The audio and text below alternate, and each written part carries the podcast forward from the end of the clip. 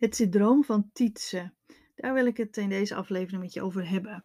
Het syndroom van Tietze, dat is een reumatische aandoening die eigenlijk best wel relatief onbekend is. Het is een chronische ontsteking van het kraakbeen in de borstkas. het syndroom van Tietze is geen ernstige aandoening, maar het geeft wel heel veel vervelende pijn met klachten die soms kunnen lijken op het gevoel van een hartinfarct. Nou, het syndroom van Tietze dat kan zich langzaam ontwikkelen, maar het kan zich ook plots openbaren. Nou, bij mannen en vrouwen komt het evenveel voor. En nou, heel veel mensen met hyperventilatie eh, hebben ook last van het syndroom van Tietze. En daarom wil ik graag aan je uitleggen wat dat is en, uh, ja, en, wat dat, uh, hoe je dat kunt herkennen bij jezelf en natuurlijk ook een beetje wat je daaraan kan doen.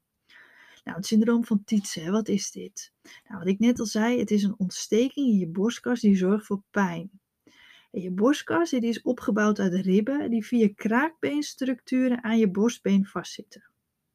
Nou, dit buigzame kraakbeen dat zorgt ervoor dat de borstkas flexibel kan bewegen bij de ademhaling.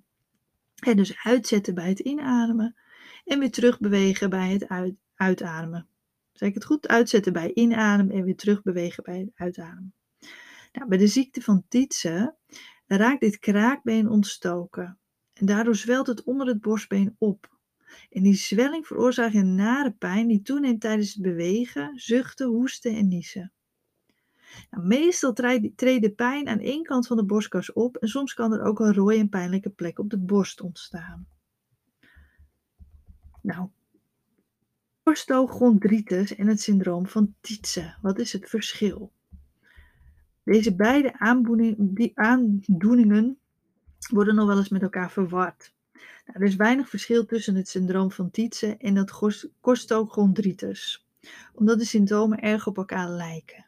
En ezelsbrugje, alles wat altijd eindigt op itis, dat betekent ontsteking. Bij de ziekte van Tietze is alleen het kraakbeen tussen de voorste ribben en het uh, borstbeen ontstoken en is er meestal ook sprake van een zwelling onderaan het borstbeen. Bij costochondritis is het kraakbeen van de achterste ribben ontstoken en treedt er geen zwelling op. Nou, dat costochondritis komt vaker voor bij vrouwen trouwens dan bij mannen. Nou, wat is de oorzaak van het syndroom van Tietze? Wat precies de oorzaak is, dat weten ze eigenlijk nog niet. Maar er zijn sterke aanwijzingen dat er factoren zijn die een rol spelen bij het ontstaan van die chronische ontstekingen en zwellingen van het kraakbeen in de borstkas. De belangrijkste factor lijkt te zijn overbelasting van de borstkas. Dit kan dus komen door langdurend verkeerd ademen, dus hyperventileren, maar ook door het tillen en dragen van zware voorwerpen, bijvoorbeeld langdurig hoesten en stress of in een voorovergebogen houding werken.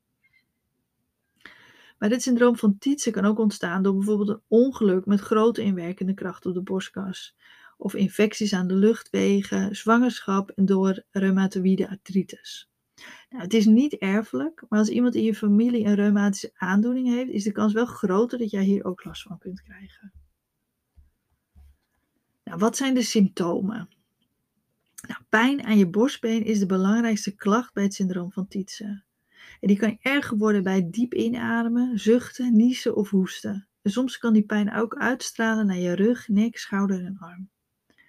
Verder kan het een benauwd en beklemmend gevoel in de borststreek en hartkloppingen geven. En die klachten lijken voor je gevoel dan op hartklachten. Nou, zoals je kunt horen lijken die klachten allemaal erg op hyperventilatie. En ook dit kan je een gevoel van angst oproepen en dat er soms acute hyperventilatie kan ontstaan met een paniekaanval tot gevolg. Het verschil is dat door de ontsteking de huid rood kan kleuren. Daarnaast kan bij sommige patiënten de functie van je slokdarm, maag, darmen en longen verstoord raken. Nou, het is belangrijk om natuurlijk altijd, heb je ernstige pijn op de borst, dan ga je natuurlijk altijd langs de dokter.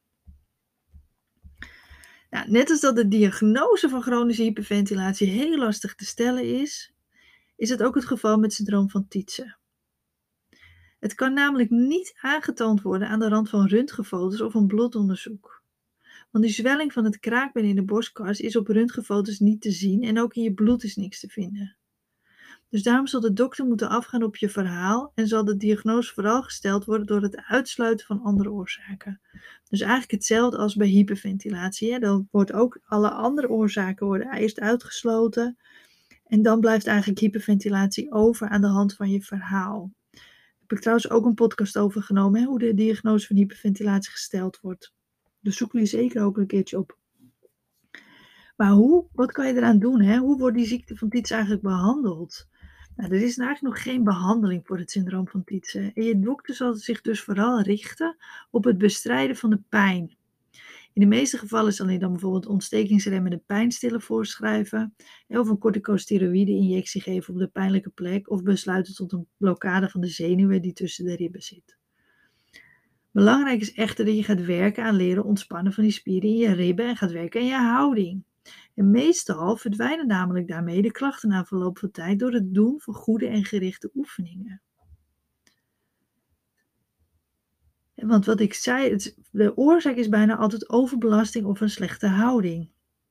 Dus overbelasting kan dus komen doordat je steeds te hoog en te veel ademt. En zoals je misschien al vaker van me gehoord hebt, is bij hyperventilatie, hè, overbelast je de ademhalingsspieren, maar ook ontstaat er een onbalans in je lichaam, waardoor je veel gevoeliger wordt voor spierpijn.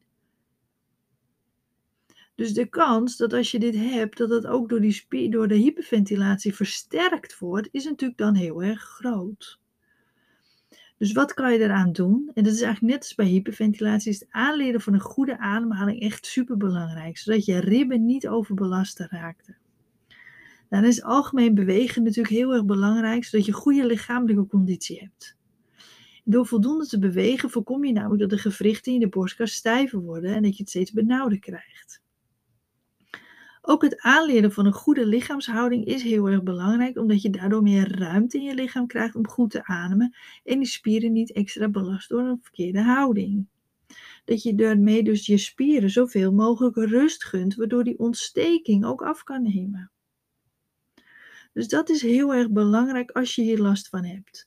Nou, als je twijfelt, dan laat je, ga je natuurlijk altijd met het verhaal een keertje langs de huisarts. Maar dat maakt dus niet uit, want er is eigenlijk dus verder geen behandeling. Als je hier naar luistert en je merkt dat het ook echt verergert met stress, is het echt belangrijk dat je dus aan die ademhaling gaat werken. Maar ook dat je gaat zorgen voor meer ontspanning en rust, waardoor die spieren rust krijgen. Want die spieren die hechten weer aan aan dat borstbeen.